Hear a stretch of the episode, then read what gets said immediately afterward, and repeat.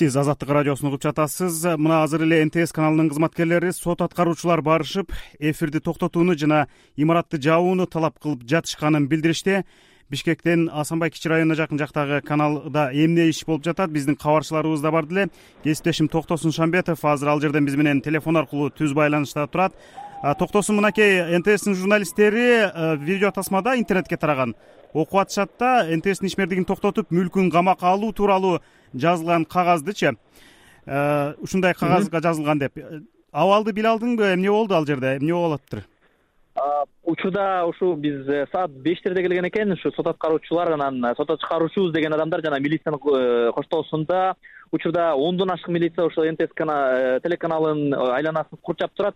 Биз азыр ичине киргенге мүмкүндүк болбоду себеби ичине киргизген жок. Жана ошондой эле кызматкерлерин дагы ошол ноутбук жана ошондой эле бир техникалар менен чыгууга уруксат берген жок. Жөнөкөй эле мындай чыгып атышат. Алардын бири айзат жекшеев менен чыгып сүйлөшө алдык. Ал ошол жогоруда сиз айтып өткөндөй ошол сот аткаруучубуз деген адамдар келип ушул нтс телеканалынын ишмердүүлүгүн токтотуп жана бир адамдын арызы менен ошол үй мүлкүн ошол азырынча арестке коюуга коюлат деп айтып билдирген экен. Учурда ушул нтсте иш токтотулуп ушул бүгүнкү эфирге даярдалып жаткан баардык ушул материалдар ошол мындай үзгүлтүккө учурады деди азат жекшеев.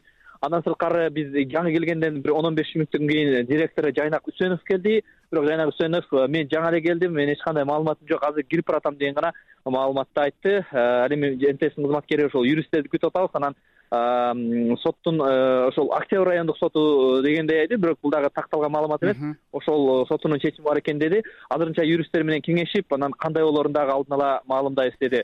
Демек бүгүнкү күндө азыр э, бизден башка дагы журналисттер дагы толуп бул жерде мындай э, милициялар да көбөйө баштады. Демек азыр так себеби азырынча белгисиз экен да? Так себеби белгисиз. Эки тараптан тең эч кандай маалымат бериле элек бул каналда буга чейин ушул каналга таандык санжара радиосу эфирин токтоткон болчу. Анан нтс каналы саясатчы өмүрбек бабановго таандык деп жүрүшпөйбү. Бул боюнча бабановго дагы кылмыш иши козголгону маалым. Бул боюнча бир буга байланыштырылган жагы айтылган жокпу?